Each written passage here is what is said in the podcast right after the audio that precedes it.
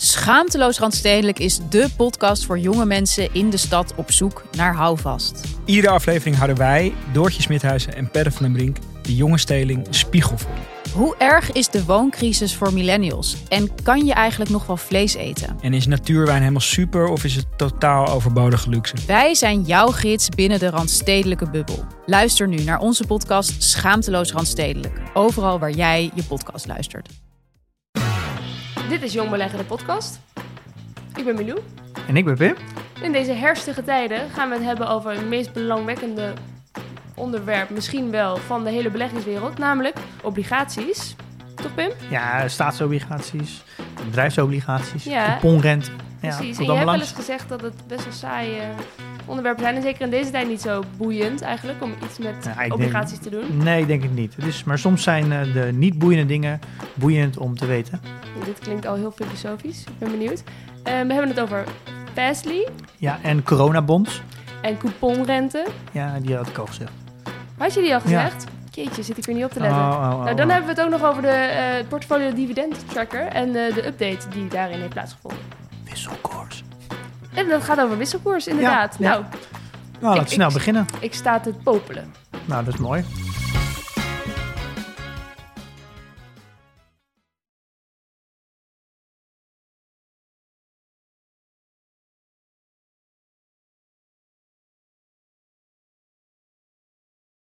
Op de dag dat deze aflevering online komt, dan word ik eh 29. Zo, daar moet je lang over nadenken. Ja, ik zat even van, wat is het ook weer? Nog niet 30, maar 30 zit al wel als zo'n zo'n donderwolk hangt die boven mijn hoofd. Het leven wordt alleen maar mooier naar de 30. hè? Ik vind het ook eigenlijk helemaal niet erg. Ik vind het sowieso wordt mijn leven alleen maar leuker. Dus dat, dat, is, dat is helemaal niet erg. Maar dan ga ik dus een, een ETF eh, aan mezelf cadeau doen. En daarover vertel ik dan weer volgende week. Oké, ik ben heel benieuwd. Ja. Dus je gaat een ETF uitzoeken. Je gaat dan ook de verdeling bepalen, denk ik, tussen de S&P ETF die je nu hebt Ja. en de nieuwe ETF. Mhm. Eh, en dan denk ik ook je schema aanpassen. Maar nee, wa- wacht, hoe bedoel je? Nou, je hebt nu, eh, volgens mij is jouw schema nu 500 euro per maand. Klopt. eh, tot ergens begin eh, 2021. Ja. Eh, 500 euro in, een, in de S&P ETF. Maar als je natuurlijk een ETF bij gaat doen en je hebt een verdeling, dus even zeg eh 70, 30 of 50, 50, dat kan. Koop je dan om de maand van de ene ETF dan de ETF? Of ga je ervoor kiezen om twee ETF's elke maand te kopen? Ja, En doe je bijvoorbeeld 200 euro in de ene en 300 euro in de andere. Of Oh, je kiest ervoor, ik verkoop iets in eh, ja. de S&P en, eh, eh, en dat leg ik gelijk in die andere ETF. Ja, maar dat ligt een beetje aan wat de verdeling is. Dus ik zou eerst beginnen met een ETF uitzoeken. en ik denk dat je ook goed moet kijken als je een ETF uitzoekt hoeveel overlap er is. Dus het is wel even goed om te kijken naar de grote holdings. Dat je niet een, dat is wel het gevaar als je bijvoorbeeld een, de Nasdaq en de S&P neemt, dan heb je best wel, Overlap. heb je best wel veel overlap. Ja, Eh, dus daar moet je altijd even goed naar kijken ja nee, ik zou ook wel echt iets heel anders nemen. Ja, en daarna moet je de verdeling bepalen. En als je die, als je die verdeling hebt plus eh, de ETF, en dan kan je kijken of, eh, hoe, je, hoe dat invloed heeft op je schema. Oké. Ja, dat is dat, nou ja, genoeg te doen dus. begrijp ik alweer voor mij. Ja, maar wel leuk om dat even uit te zoeken. En in deze aflevering, nou ja, je zei het vorige week al, gaan we het hebben over obligaties. Ehm, ik weet inmiddels wel wat een obligatie is. Dat heb je wel een paar keer al vrij duidelijk gemaakt. Waarom is deze hele aflevering daaraan gewijd? Helemaal in deze tijd zijn obligaties niet zo heel boeiend. Maar ik denk dat je wel de kennis van moet hebben om te weten dat het niet boeiend is. Met heel, veel- met heel veel dingen zo. Soms moet je ook de dingen die niet zo interessant zijn voor jou op dit moment... moet je wel de kennis van hebben om wel te begrijpen waarom het niet interessant voor jou is. Ja, Eh, zodat je wel de, de basiskennis hebt. Zoals als de situatie verandert, ja. dat je dan dat kan zien en signaleren en dat je dan eh, daarop kan handelen. Precies, dus op Ja. dit moment zijn obligaties niet zo boeiend. Eh, mag je zo trouwens verder uitleggen waarom dat zo is. Maar het is dus nu wel boeiend om te weten waarom het niet boeiend is. Zodat je, zodra het wel boeiend wordt, eh, nou ja, je weet wat je ermee moet doen. Ja, ja, en ook waarom je obligaties kan inzetten en waar Ja. het voor dient. Eh, een beetje de, de gedachte erachter en ook hoe, waarom het nu niet interessant is en hoe de, Ja. hoe je, ja, wat voor, welke factoren he- heeft nou invloed op het rendement van een obligatie. Ja. Dus als je dat door hebt, dan kan je ook zien, merk je ook in het nieuws en zo, dat dingen veranderen. En dan denk je, hé, hey, misschien kan obligaties dan wel in de toekomst interessant worden. Zullen we dan Ja. eerst nog even ingaan op waarom het nu dus niet zo interessant is om in, aan, in, om, in obligaties te gaan zitten? Nou, ik denk misschien goed is om er even terug te pakken van wat is nou een obligatie? Ja, oké. Ehm, kijk, een obligatie is heel simpel gezegd een lening. Eh, en, en een lening heeft altijd een, een looptijd, dus een begin- en een einddatum. En je krijgt in de tussentijd krijg je rente en dat noemen we couponrente.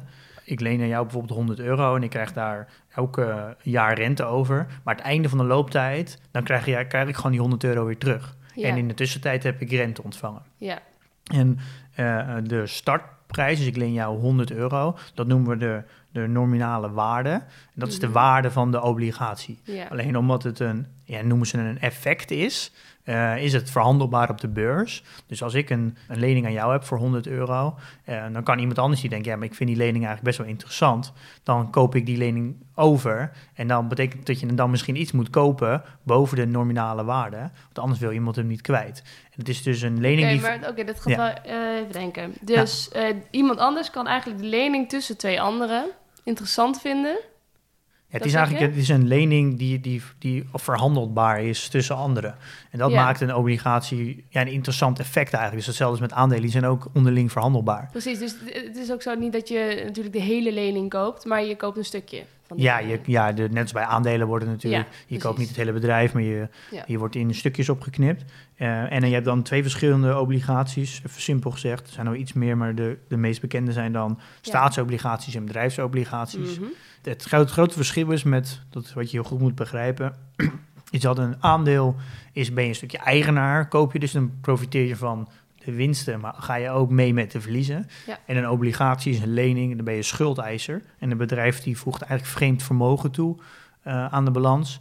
Eh, en je bent dus gewoon schuldeiser. Dus als het bedrijf bijvoorbeeld failliet gaat, dan ben jij gewoon een schuldeiser. En als je aandeelhouder bent en het bedrijf gaat failliet, dan heb je niks. Dus dat is wel een groot verschil. Dus het is daardoor, het is dus twee kanten. Het is dus een lager risico. Ehm, ja, veel lager risico dan aandeelhouderschap. Maar dat betekent dus ook, een lager risico betekent ook lager rendementen. Heel even Ehm, voor mijn begrip hoor, want het is een lager risico omdat ehm, je alleen eigenlijk pech hebt als die schuld niet kan terugbetalen. Ja, de schuld wordt in wezen altijd terugbetaald. Eh, en eh, bijvoorbeeld als een bedrijf bijvoorbeeld standaard bijvoorbeeld share buybacks doet en die verhoogt eh, de, die keert dividend uit. Kijk, dat zijn de dingen, als je je schulden niet kan betalen, dan ga je natuurlijk als eerste korten op het dividend. En op eh, je share Ja. En dan ga je zelfs misschien aan een stukje onderdelen van je bedrijf verkopen. ja, en in de tussentijd is nog steeds de Dus- schuld terugbetaald. Ja, dus, dus je, je, je zal als bedrijf zijn alles aan moeten doen om je schuld terug te betalen. Ja, de aandeelkoers kan totaal inzakken. Ja, maar de, je bent, eh, de schuld is natuurlijk het allerbelangrijkste. Dus als aandeelhouder kan je dus geen dividend meer ontvangen. Share buyback programma kan stoppen. Alles om naar die schuldeisers. Dus daarom is je al, heb je als obligatiehouder Laag risico. ja, gewoon een veel lager risico's. Omdat namelijk een bedrijf zal altijd de hoogste prioriteit hebben schulden. Ja, Want als op een gegeven moment anders nemen de schuldeisers het bedrijf over. ja, Want dat is natuurlijk als je je niet aan je schulden kan voldoen. ehm, dan gaan de, moment de schuldeisers die gaan naar de, naar de, naar een rechtbank en die zeggen: nee, je doet, voldoet niet aan je schulden. Dan zal de rechter kunnen verklaren: nou, dan verklaar ik het bedrijf failliet. Dus dan neem je als schuldeiser, dat is bij de HEMA gebeurd, dan nemen de schuldeisers de HEMA over. ja. En dat wil je natuurlijk als aandeelhouder nooit. Dat je, Nee. dat, je eigenlijk je bedrijf kwijt bent omdat de schuldeisers het van je overnemen. Nee. Dus wat zal je doen? Je zal dus al, alles aan doen om die schuldeisers ja. tevreden te houden. Maar dat betekent ook, als het bedrijf heel goed gaat, dan profiteer je als obligatie natuurlijk ook niet van. Nee. Je, je weet wel van tevoren je rendement in grote lijnen. En dat weet je natuurlijk als aandeelhouder niet. Als, het, eh, als je bedrijf natuurlijk heel hard groeit, dan merk je als obligatiehouder er helemaal niks van. Nee, precies. Oké, dus ook Dus dat is wel een, een heel groot verschil. En Ja. dat is natuurlijk um, nog een ander ding wat je ook goed moet begrijpen is waarom ehm, zijn er obligaties? En nou, de bedrijvenobligatie denk ik wel het makkelijkste om het uit te leggen. Een bedrijf die wil kapitaal ophalen, nou, Mhm. dat gaat, kan traditioneel naar een bank toe. Eh, maar een bank die, die kan je niet voor hele grote leningen. Dus vindt de bank ook de grote risico, want die gaat niet in één keer eh, eh, 500 miljoen aan één bedrijf lenen. Dus wat er gebeurt is dat een bedrijf die zet dan eigenlijk een obligatie in de markt. Bijvoorbeeld Google had er laatst ook één die zegt dan we gaan een obligatie in de markt zetten voor 10 miljoen. En dat geld gaan we besteden aan eh, het, toegankelijk maken van software voor eh, lage lonenlanden. Eh, dus dat is dan een heel erg een sociaal eh, obligatie, dus een ESG-obligatie. En omdat dat natuurlijk ook een sociaal karakter heeft, eh, is het voor pensioenfondsen juist weer interessant. Want die moeten weer zoveel procent van het vermogen in zo'n, eh, met zo'n score hebben. Ehm, en dan kunnen bedrijven zich daarop ins of bedrijven of vermogens of particulieren op inschrijven. Van ik wil wel een stukje van die obligatie. Ja, Eh, maar ik vind toch, want in het begin waren we bij de definitie van de obligatie, was het alsnog een, wel een transactie of een, een- iets tussen twee partijen. En nu is het, Google zet een obligatie in de markt. Ja, en nou- er is geen tweede partij. De Ja, tweede de- partij is iedereen. Ja, de tweede partij is gewoon iedereen die eh, een stukje van die obligatie wil. Dus iedereen kan zich daarop inschrijven. Ik wil een stukje van die obligatie kopen. En waarom het nu eigenlijk niet zo interessant is, omdat namelijk de rente extreem laag is. Geld is bijna gratis. Dus als een bedrijf bijna gratis geld kan lenen en die zet dus een lening in de markt, ja, dan ga- gaat, de, ja, gaat die partij bijvoorbeeld Google daar niet een hoge rente over geven. Want geld is bijna gratis. Ja. maar dat geldt ook dus voor bedrijven. Als het, als het voor, Ja, je hebt, de eh, staat kijk, de laag op- is, is het voor bedrijven ook laag. Ja, je moet een beetje zo zien dat de, de, de obligatiekoers, noem je dat dan eigenlijk, die, die reageert heel erg op de marktrente. Als een obligatie al in de markt staat en de marktrente gaat naar beneden, dan gaat automatisch de prijs van een obligatie omhoog. Omdat als een obligatie eerst was neergezet voor 2% en de marktrente was 2%, ja, dan hoef je niet per se een obligatie te hebben. Dan kan je ook gewoon je geld bijvoorbeeld op een spaarrekening zetten voor 2%.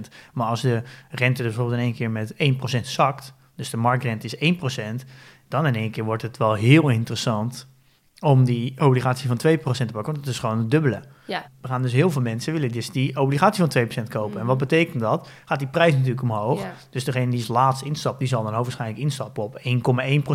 Dat is nog steeds meer dan de marktrente. Maar als dus partijen dus op dat moment een nieuwe obligatie in de markt gaan zetten, ja, dan gaan ze natuurlijk niet heel veel hoger doen dan 1%.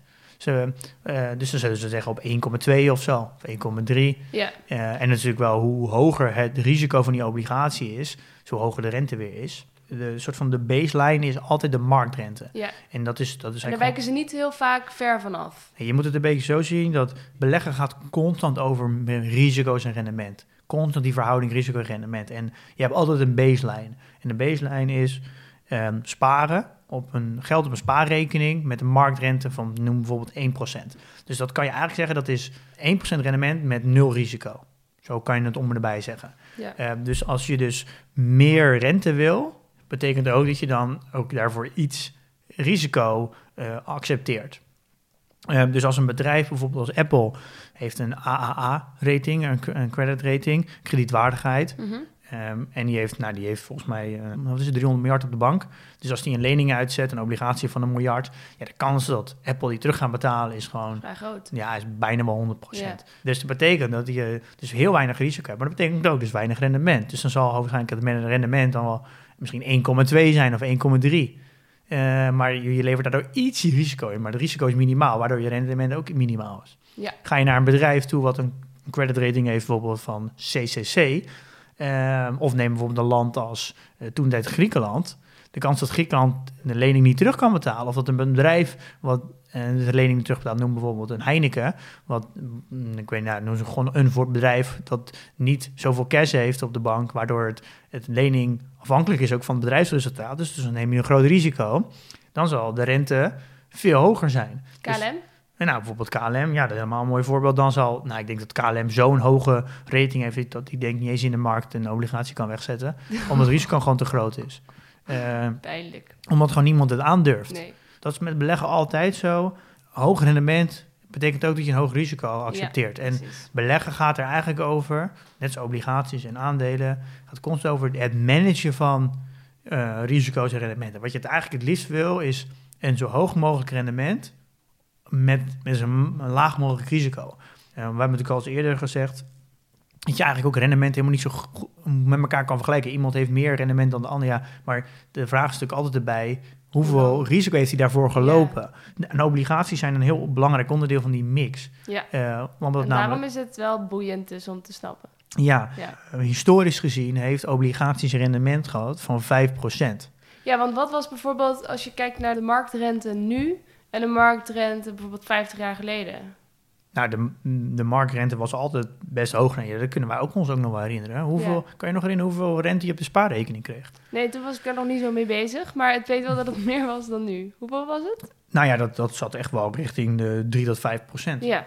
En mijn ouders, die hebben nog een hypotheek afgesloten van 11 procent. Ja, dat kan je nu echt niet meer voorstellen. Toen was geld heel duur dus eigenlijk. Ja, heel duur, ja. Maar Ja. Dat, en, had je zelfs een, en had je zelfs een huis zonder pand. Maar daar Ja. kreeg je ook op de spaarrekening, ook volgens mij ook, ja, echt, ging echt wel, Ja. toen die tijd, toen was ik, was ik nog niet geboren, maar ik denk dat je dan ook automatisch, ook naar de spaarrente, ook wel richt, richting de, zal het dan 7, 8 procent zijn, vermoed ik dan. Dus dat, En hoeveel is het nu? nou ja, nu niks. Eh, sterk- letterlijk niks of bijna niks? nou, de ING heeft volgens mij net verlaagd gisteren naar 0,05. Eh, en de ABN AMRO doet eh 0% tot en met 2,5 miljoen. En boven 2,5 miljoen je betalen. En zo, zijn, er, zo schommelt dat er een beetje ertussen. Volgens mij Nationale Nederland heeft ook iets van 0,05. Ja. Eh, maar allemaal tot 100.000 euro. Eh, daarboven je krijg je geen rente. En volgens mij daarboven ergens zit ook weer een staf vol en dan moet je betalen. Ja, Ja, dat zag ik laatst ook een paar keer op Twitter komen. Dat er best wel veel eigenaren zijn van bedrijven nu. Die hebben natuurlijk standaard een buffer. En dat wil je aan cash op je bankrekening hebben. Dat je in moeilijke tijden eh, altijd gewoon je, je, ja, je personeel en zo kan doorbetalen. Ja. Dus hoe groter je bedrijf is, hoe meer cash je dus ook op de bank hebt staan. ja. Dus als je een bedrijf bent met ja, zeg maar 300 man personeel, zit je al snel dat je een paar miljoen cash op de bank wil hebben. ja. Die moet je gewoon liquide houden voor in tijden dat je dat een grote Tuurlijk. factuur niet betaalt door de fiets. Maar ja, als je dat op de bankrekening moet hebben, dan betekent dat je elke maand daar gewoon rente over moet Ja. betalen. Een negatieve rente. Dus dan loop je gewoon eigenlijk leeg. Dat is ook de reden waarom de overheid, die Wopke-fonds, Ja, dat Eh, Wiebesfonds. ja, dat je 20 miljard, omdat Ja, ja, die 20 miljard, de Nederland heeft een AA-status. Het heeft een eh, zo'n 15 be- tot, denk ik, 20 bedrijven in de wereld die echt een AA-status hebben, misschien iets meer nog. Het zijn eigenlijk alle Engels sprekende landen en een beetje West-Europa. Dat is de hoogste score en daar moet je betalen om, om geld kwijt te zijn. En dan kan je natuurlijk afvragen, ja, waarom zou iemand überhaupt eh, geld aan Nederland geven en daarvoor betalen? maar Pim, jij weet dit, vertel. Nou ja, al toen ik dit ook voor het eerst hoorde, dat was een, eh, een paar jaar geleden, dacht ik, ja, dit, hier moet je wel even je hoofd omheen rappen om dit goed te begrijpen. Ja, er zal een reden voor zijn, maar ja. Ja, dat klinkt vanuit een individu gezien niet logisch. Nee. Dat ik tegen Meloen, leen mij even 1000 euro en betaal mij ook nog eens 5 euro per maand daarvoor. Ja.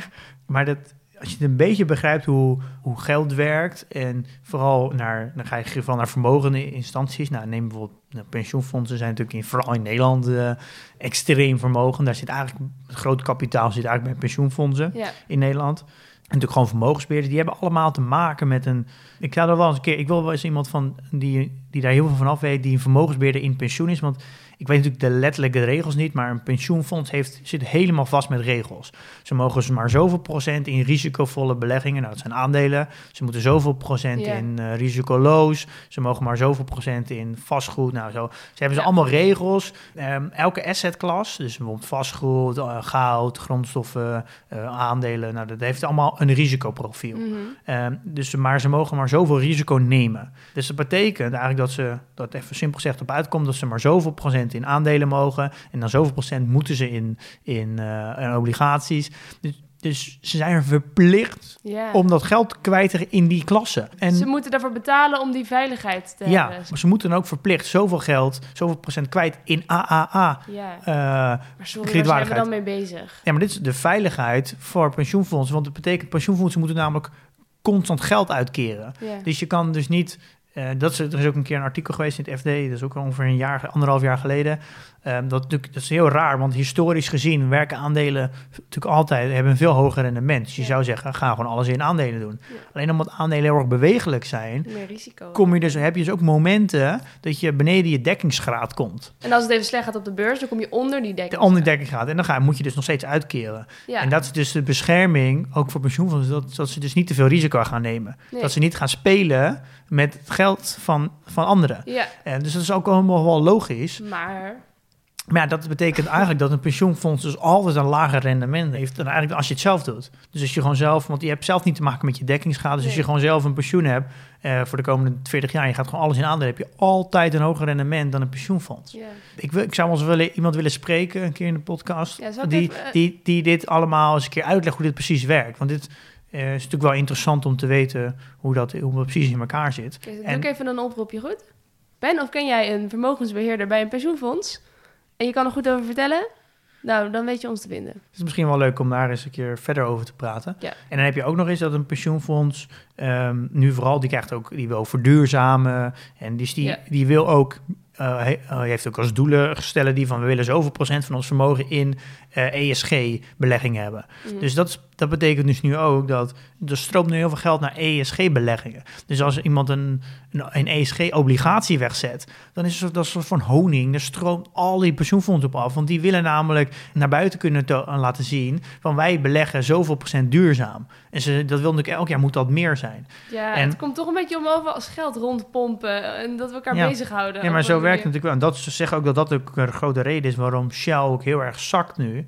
En ook niet echt meer van zijn plek komt. Omdat namelijk eerst zaten heel veel pensioenfondsen in Shell. Mhm. Omdat de dividend verlaagd is, hebben heel veel pensioenfondsen afstand van gedaan. En omdat Shell eigenlijk niet in die criteria van ESG of zo valt, wordt het, is het voor pensioenfondsen helemaal geen interessante belegging meer. Nee, En dat is op ja. zich wel waarom dit allemaal wel interessant is om te weten. Omdat dit namelijk, dit gaat wel echt om groot kapitaal. Dit gaat natuurlijk niet eh, om een lullige euro's. Het gaat om de hele dynamiek op. ja, dit is gewoon een groot gedeelte van, eh, voor, ja, dit weet ik natuurlijk allemaal niet 100% zeker. Ik heb er Ja. echt de statistieken niet bij, maar volgens mij is gewoon een groot gedeelte van eh, het, het vermogen wat op de beurs zit, komt uit eh, eh, vermogensbeheerders en pensioenfondsen. Dat komt dus niet van particuliere beleggers. Die zijn natuurlijk helemaal niet zo vermogend. Dat gaat over gewoon hond, duizend miljard of zo. Zo'n hebben dus heel veel invloed. Ja, extreem veel Ja. invloed. Oh, interessant inderdaad. Ja, dat is best wel een, eh, een in- ja, interessant om daar wat van te weten. Ja, zeker. Ehm, maar ja, daarom betalen dus pensioenfondsen Ja. eh, graag een negatieve rente. Ja. En ik denk dat je nog even, ja, om nog daar iets op verder te gaan, hoe werkt dat dan precies? Je, je zet een obligatie in de markt tegen een, dat noemen we dan een nominale waarde. Dus ik zet hem uit voor bijvoorbeeld, zeg 1000 euro. Mhm. De prijs van een obligatie wordt altijd in percentages uitgedrukt. Dus hij wordt in de markt gezet voor 1000 euro. En dan wordt hij op dat moment is dat 100% En dan, dan krijg je net zoals een aandeel krijg je in de veiling. Dus als heel veel mensen hem willen, ehm, dan gaat die prijs omhoog. Dus dan Ja. wordt hij een x-percentage boven die 100% verhandeld. Dus Ja. iemand moet hem dan kopen voor 105% of voor 110% Dus dat betekent dat als ik een... Ik kan nou wel een rekenvoorbeeld nemen. Misschien het makkelijkst. Dus stel op eh, 21 oktober 2020 eh, kopen we een obligatie voor Spanje 2025. Eh, dus een obligatie voor vijf jaar nog. Ja. En het is 2% rente. Ja. Ehm, dus die kopen we tegen een, een, een koers van ho- 105. En de nominale waarde is 100. Ja. Ehm, dus we kopen hem eigenlijk al boven de nominale waarde. ja, omdat er meer vraag naar is. Ja, omdat 2%, waardoor de prijs 2% iets- is natuurlijk heel gunstig Dat nu. is leuk, inderdaad. Dus eh, dat is meer dan op een spaarrekening. Maar daardoor willen meer mensen hem hebben, waardoor die nu verhandeld wordt boven de nominale Precies. waarde. Dus de aanschafwaarde is 105. Ja. Nou, de looptijd is nog vijf jaar. Dus betekent na vijf jaar verloopt die obligatie en wordt het geld weer uitgekeerd. Eh, de lening wordt weer uitgekeerd. Ehm, nou, ik ontvang 2% per jaar over de nominale waarde en dat is 100 euro. Dus dat betekent dat ik 2 euro per jaar ontvang als ik die obligatie bezit. Ja. Eh, dus over de gehele looptijd, dat is vijf jaar, ontvang ik 10 euro. En dan heb je ook nog de koers. Dus ik heb 105 heb ik hem morgen gekocht. Ja. Maar de nominale waarde is 100. Dus als ik hem na vijf jaar krijg ik dus niet 105 euro voor terug. Maar ik krijg 100 euro voor terug. Want ik heb een. een- ja, dus die moet je aftrekken van je winst. dus dat betekent dat ik een verlies, koersverlies van 5 euro. Ja. Maar ik heb 10 euro coupon rente ontvangen in de afgelopen vijf jaar. Dus 10 min 5 is 5 euro. Mhm. Eh, ik heb hem gekocht voor 105. Nou ja, eh 1 euro delen door 105 eh, heb ik 0,95% rendement per jaar. Dus bijna 1% rendement per jaar. Ja, Dus dat is... eh, dus meer dan op de bank. ja, maar ik had hem dus... Maar de, Ja. heb ik dus 0,95% rendement. Maar de, de, de obligatie was dus 2%. Dus dat geeft wel aan... De resultaten op een obligatie heeft te maken dus met de rente...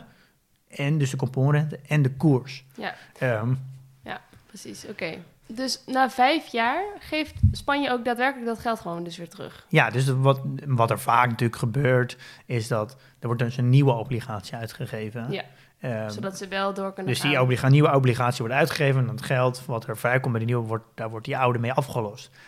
Oké, ehm, dus je hebt volgens mij, we zijn al een heel eind, hè? staatsobligaties, bedrijfsobligaties. Ik zit nu ook meteen te denken, heb je dan ook nog iets met ETF's?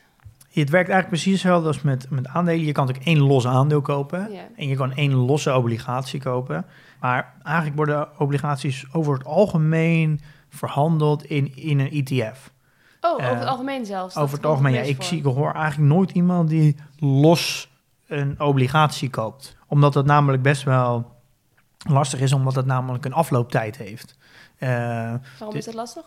Nou ja, dan, dan, als je dus een obligatie zou kopen en je, je heeft nog geen even afloop, dan krijg je op een gegeven moment dat cash. En je, en je wil eigenlijk, je koopt een obligatie, omdat je, niet omdat je dat op een gegeven moment weer terug Nee. wil. Nee, precies. Eh, Oké. Dus dan is het natuurlijk handiger om een, een groepje aan, aan obligaties te hebben die bijvoorbeeld allemaal in een andere fase aflopen, eh, waardoor je dus eigenlijk nooit het cash krijgt. Dat wil je helemaal niet. Ja. Als je bijvoorbeeld 20% obligaties, 80% aandelen, wil je die obligatie ook altijd houden. Ja. Dus wil je eigenlijk niet dat het afloopt. Nee, dus het duurt het zo lang mogelijk rekken. Tenminste, want op een gegeven moment, je krijgt, als er eentje afloopt, krijg je het gewoon wel weer een beetje terug. Ja, maar dat als je dus bijvoorbeeld eh, 100 obligaties in hebt en dan loopt er elk eh, bijvoorbeeld jaar lopen er eh, lopen 20 af, dan is dat procentueel gezien heel weinig. Ja, dat dan loopt kan je heel dan- verleidelijk. Ja, en dan word je, kan je daar weer nieuwe van kopen. Ja. Zo heeft het effect van aflopen van obligaties gewoon weinig invloed op de, op de koers. Ja.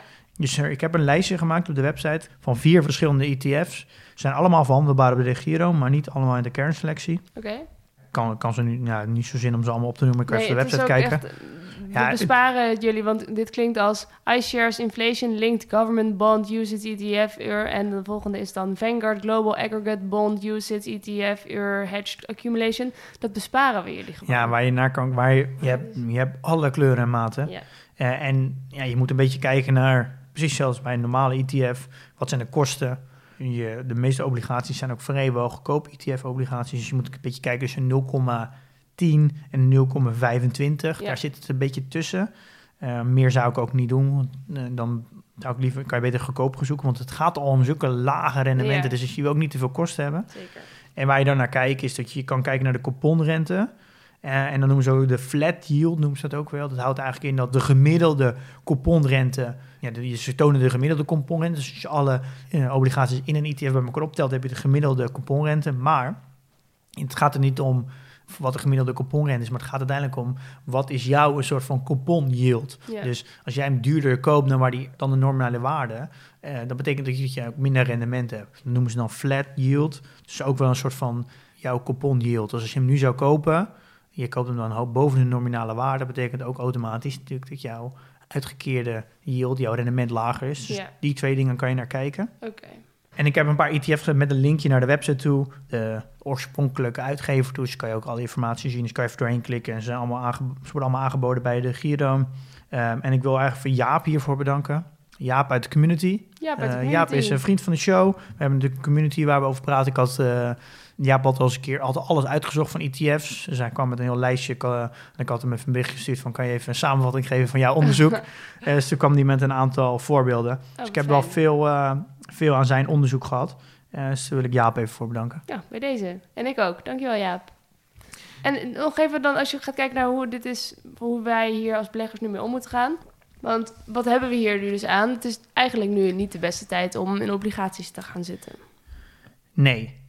Ja, dat is natuurlijk een goede vraag. Kijk, met obligaties is het, het is gewoon een, nee, het is veel minder risico. En wat er heel erg wordt gezegd, is dat je moet, dat is traditioneel eigenlijk gezegd, je moet altijd een percentage obligaties hebben. En er werd Mhm. altijd gezegd, je hebt bijvoorbeeld 90% obligaties, altijd 10% aandelen, Ja. of met alle uiterste 90% aandelen, 10% obligaties. Er werd altijd gezegd, je moet altijd allebei de assetklasses hebben, omdat namelijk dat is natuurlijk berekend dat als je beide assetklassen hebt, dat je gewoon het, het risico veel meer verlaagt dan dat je het rendement verlaagt. Waardoor het in wezen een betere deal is. En dat komt eigenlijk zo omdat je kreeg natuurlijk op obligaties gemiddeld 5% in het verleden. En obligaties zijn eigenlijk wel een beetje een tegenbeweging van aandelen over het algemeen. Als aandelen naar beneden ja, gaan, ik dan ja. gaan obligaties over het algemeen niet naar beneden. Of ja, in het verleden zelfs, soms zelfs omhoog. Ja, En dat is natuurlijk heel fijn, want als je dus twee assetklassen hebt en je doet, zegt ik wil 90-10, of nou, of maakt niet uit of je überhaupt de verdeling hebt, dan kan je natuurlijk heel mooi dat, dat soort van pie-investing doen. Ja, ja, ja, mag ik het uitleggen? hoor. Dus dan ga je als, eh, dus 90-10 is de verhouding. Als het goed gaat met eh, de beurs en de aandelen, dan zal automatisch je portefeuilleverdeling ook een beetje gaan verschuiven in hoeveel geld jij erin hebt zitten. En dat kun je dan compenseren met de, waar het slechter gaat, namelijk bij obligaties. Want die twee hangen, die, die zijn Ja. elkaar Ah, tegenpol. ja, helemaal goed. Dus dan kun je eigenlijk altijd op het ideale moment eh, bijkopen. Ja, dus dat, ja, exact. En dat vers- verkleint dus extreem je risico, maar je rendement wordt daardoor niet, eh, geeft daar niet heel veel invloed op. Waardoor ze zeggen, vanuit de risico-rendementverhouding is het een betere deal om allebei te hebben. Ja, Alleen het, het spel is een beetje veranderd, omdat je namelijk bij obligaties niks meer krijgt. ja. Dus het is, Ehm, je kreeg eerst gemiddeld 5%. Nou, dat is nog wel de moeite.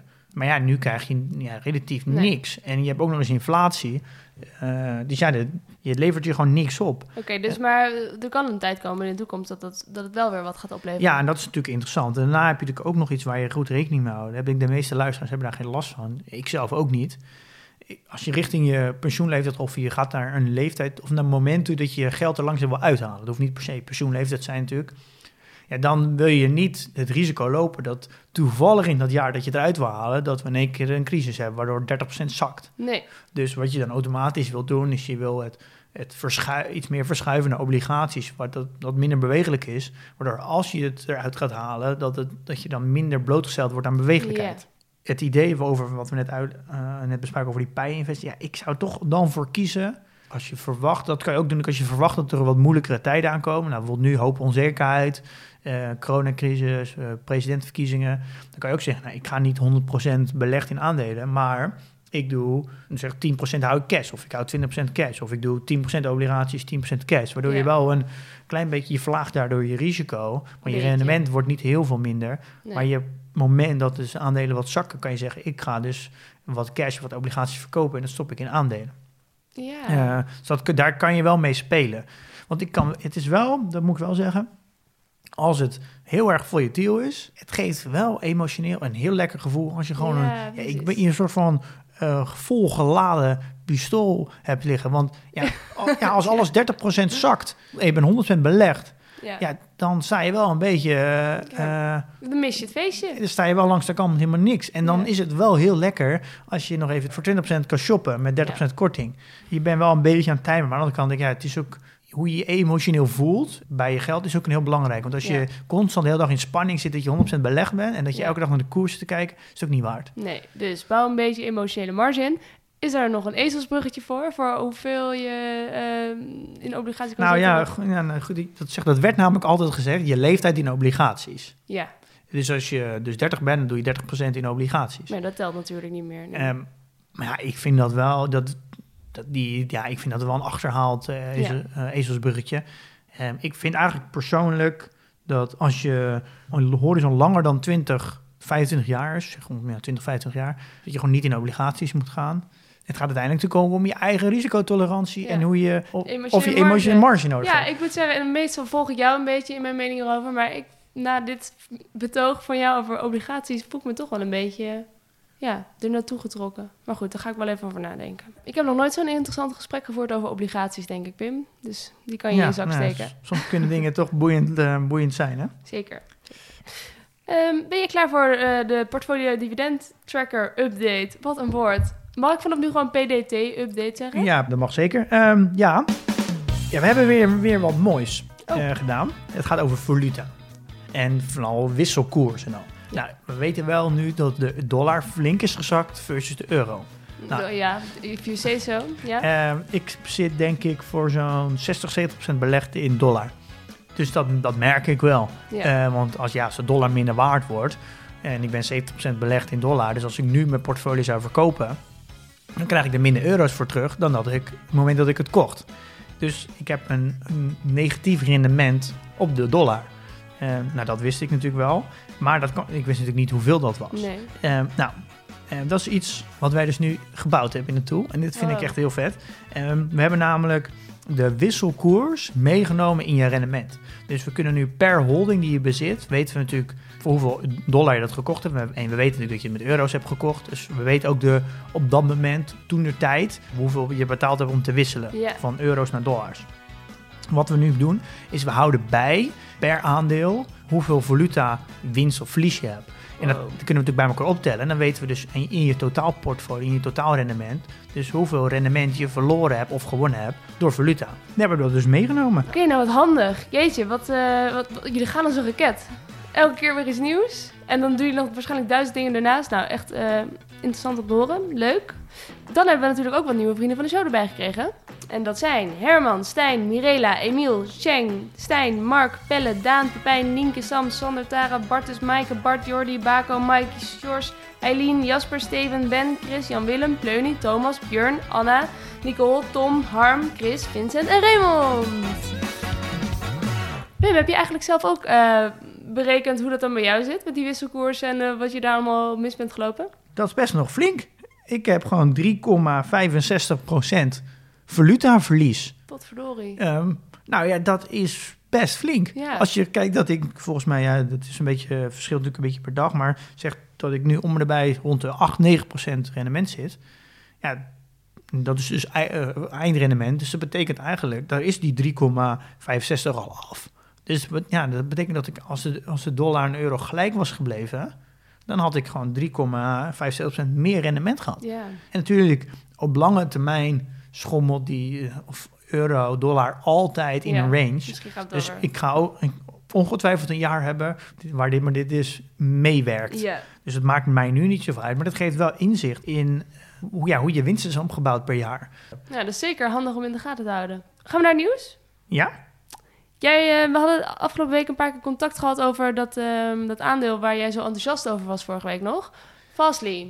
Ja, ik, ik zit constant een beetje tussen, een, eh, tussen twee gedachten. Dus ik wil niet te veel hebben over één specifiek aandeel, want dan krijgt het te veel aandacht. Fastly is voor mij 2,5%. Dan zou, vind ik eigenlijk ook dat het ongeveer 2,5% aandacht moet krijgen. ja. Ehm, maar ehm, waarom ik het toch even wil benoemen, omdat ik namelijk heel veel reacties heb gekregen van de week.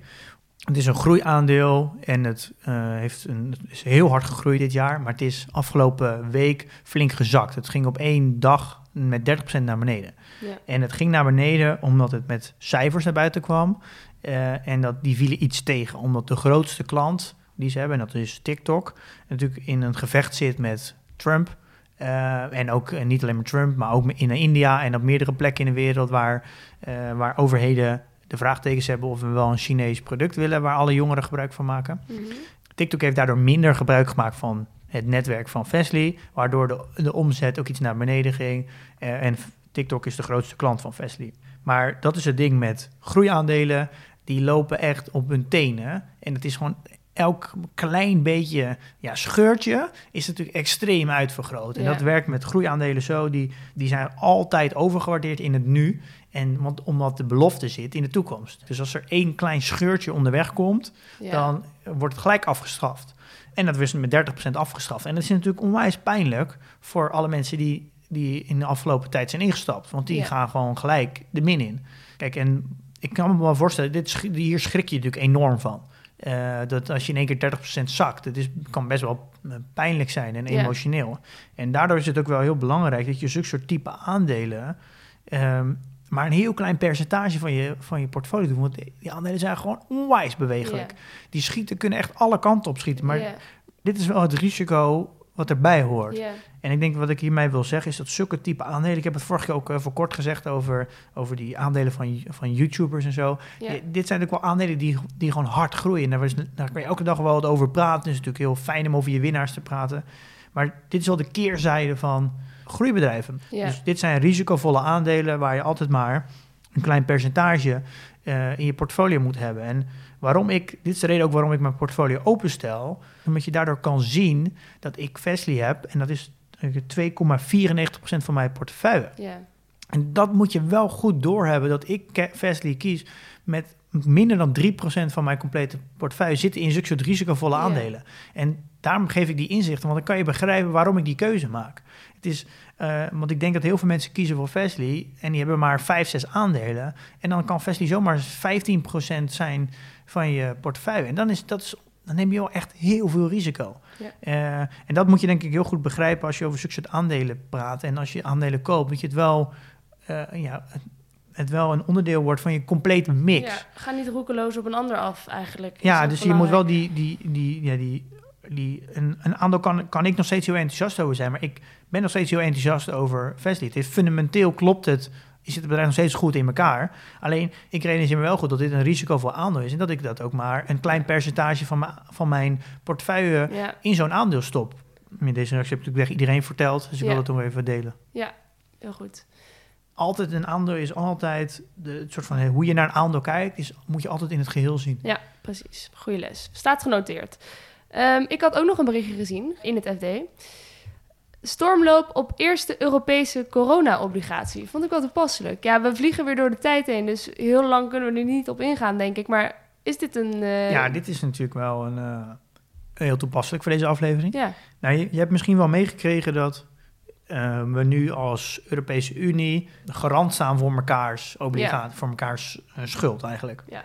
Een obligatie die Italië uitzet, staat heel Europa garant voor. En wat gebeurt er dan in één keer? dus super populair. Want dan De risico, eh, risico gaat. Dus als, een, als Italië een staatsobligatie wegzet, dan kan je dat met gerust kopen. Want je weet dat Duitsland en Nederland en Engel, eh, Engeland dan even niet meer, dat eh, die landen dus ook garant staan. Om- Dus als Italië failliet gaat, dan gaat, het springt Nederland en Duitsland bij. Nou, dan weet je al zeker, oké, dit geld krijg ik toch zoveel terug. Wat gebeurt er? Rente gaat naar beneden. Italië kan goedkoper lenen. Ja. Nou, dus de Europese Unie heeft dus nu een obligatie weggezet met als doel om iedereen aan het werk te houden. Dus het is een sociale obligatie, dus dat kom je weer. De Ook ES- dat nog. Oké, ESG. dus er is een run ontstaan. Er is een gigantische Oh run. ja, ontstaan. stormlopen, dat is ook in de titel natuurlijk. Ja, eh, en volgens mij was er echt in, nou wat was het, 14voudig. Nou, ik weet niet hoeveel werd die, werd die weggezet. 17 miljard? 17 miljard. En er, werd dus, er wordt er dan op ingeschreven van mm, mensen willen, partijen willen die, die obligatie kopen. En er was in veer, nou, 14voudig aan bedragen. Ja, ik zie hier, beleggers tekenden dinsdag voor meer dan 233 miljard in op twee obligatiereeksen met een gezamenlijke omvang van slechts 17 miljard. Ja, nou dat betekent dus dat er 14 keer meer vraag is dan aanbod. Ja. Nou, wat gebeurt er dan met de prijs? En, nou, en, en nou, nu is het grappige. Ja. Ehm, de obligatie is 20 jaar en heeft een jaarlijks rendement van 0,13 procent. Dat is heel weinig. Dus toch? we zijn dus, Ja. Eh, er is 14 keer meer eh, vraag naar een obligatie dat 0,13 procent rendement op jaar zijn, heeft. de, Pim, zijn de mensen gek geworden? Dus we zijn met z'n allen aan het vechten, eh spreekwoordelijk dan, Ja. voor 0,13 procent rendement. Ja. Dus dit geeft, ja, dit is wel een, mooi, Ja, een mooie toevoeging ja voor dit onderwerp. precies bij het onderwerp. En ik snap ook nu in één keer waar je, hoe het zit. Dus ja. Ja, interessant. Portfolio? Ehm, geen transacties gedaan. Eh, van vijf verschillende bedrijven dividend ontvangen. 116 euro deze week. En mijn portfoliowaarde is 163.700. Volgens mij zaten we vorige week Bijna 170. bijna 170. Ja. Dus eh, er is iets van eh, zes af of zo. Ja. Gaat altijd een beetje op en neer. Hè? ja, Ja, oké. dat was het. nou, soepel. Reviews dan maar meteen. We kregen een berichtje binnen van Sarah en Jeroen. Mede door jullie podcast zijn wij afgelopen maand begonnen met beleggen. De eerste rendementen zijn inmiddels al zichtbaar in de vorm van koerswinsten en dividend. Wij zijn een getrouwd stel en we luisteren met veel plezier en nieuwsgierigheid naar jullie podcast via Spotify. En door de podcast durfden wij het aan om een deel van ons spaargeld te beleggen in aandelen. We zijn goed en met een vertrouwd gevoel op weg geholpen. Dank daarvoor. We hebben nu hele leuke gesprekken en discussies over beleggen... wat betreft strategieën en beursverwachtingen... die wij voorheen nooit hadden. Ja, daar kan ik ook wel aan relateren persoonlijk. Echt gesprekken aan de keukentafel. Poeh. Eh, goed, Eh, daarnaast zijn wij zelfs voor ons zoontje Nox, 9 maanden oud, in ETF's aan het beleggen, zodat hij er meteen mee leert opgroeien. Als vriend van de show hebben we zojuist een donatie gedaan om jullie te steunen. Ga zo door. Nou, wat ja, een leuk bericht. Ja, super lief hè? ja. Dit, ja, dit mailtje staat eigenlijk wel een beetje misschien symbool voor waarom wij dit doen. onze missie. Ja, ik vind het gewoon heel mooi dat wij nu, wij zitten aan, nu aan de, aan de eettafel, eh, gewoon te praten over, eh, over beleggen en de dingen die, eh, die we meemaken onderweg en die Ja. we leren. En dat we daar zoveel andere mensen mee kunnen helpen door gewoon even tegen elkaar te kletsen. Dat setje kunnen geven, dat we heel Ja. veel mensen dat setje kunnen geven die ze net even nodig hadden door alleen maar even, even te kletsen aan de eettafel. Ja. Ja. Ja, vind ik heel mooi. Dan vijf sterren in de Apple Podcast app van Masha. Verplicht op school is de titel. Top podcast. Deze info had ik graag gehad op de HAVO. Oh, Dus ik krijg wel eens, eh, wel eens mailtjes van, eh, natuurlijk van, jong, van mensen die niet eens 18 zijn, maar ook wel eens van, eh, ik ben 19 of zo. Dan denk ik wel echt, ik merk dat ik in onze community soms worden vrienden, die zijn 19 of 20 en die stellen zich dan voor. En dan reageren altijd mensen van, oh man, wat ben ik jaloers. Had ik Ja, maar begonnen op mijn inderdaad. 19. Dat- maar dat is een soort van grappig, dat iedereen die belegt, ze zeggen altijd, had ik maar eerder begonnen. Ja, Dat, is, dat is een soort van iets wat iedereen zegt. ja. Nou, echt interessante aflevering. Dankjewel, Pim. Ja, had je dat gedacht vooraf? Nee, eigenlijk niet. Redelijk overzichtelijk natuurlijk. Obligaties, kan ik best wel vragen over stellen, nog wel door over praten. Maar het heeft, het heeft zoveel ehm, te maken met de hele dynamiek over de hele wereld, met geldstromen en alles. Ik vind het wel echt interessant. Ja, het heeft, ja, dat klopt wel. Het, heeft, het is wel, heeft veel met economie ook te maken Ja. natuurlijk. Ja, klopt. Ja. Ja. Dus dat vond ik leuk. Volgende week is aflevering nummer 26.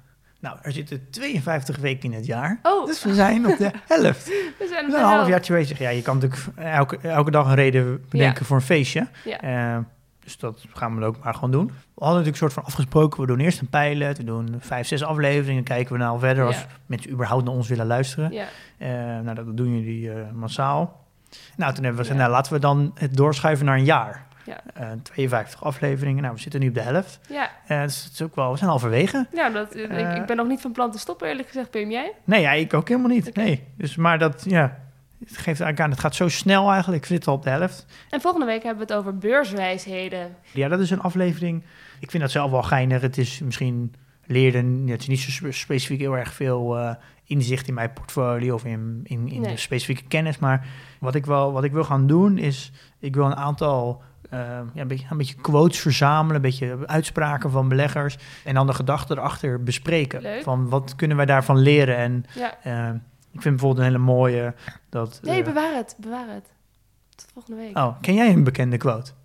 Nee, niet zo 1, 2, 3. Maar die ene die jij eh, ooit hebt verteld, die vond ik wel heel beeldend. Dat als het app wordt, dat je dan kan zien wie een zwembroek aan heeft. Nee, wie er naakt zwemt, juist. Ja, dus wie er geen zwembroek aan heeft. Ja, ja, oké, ja. Ja. Ja.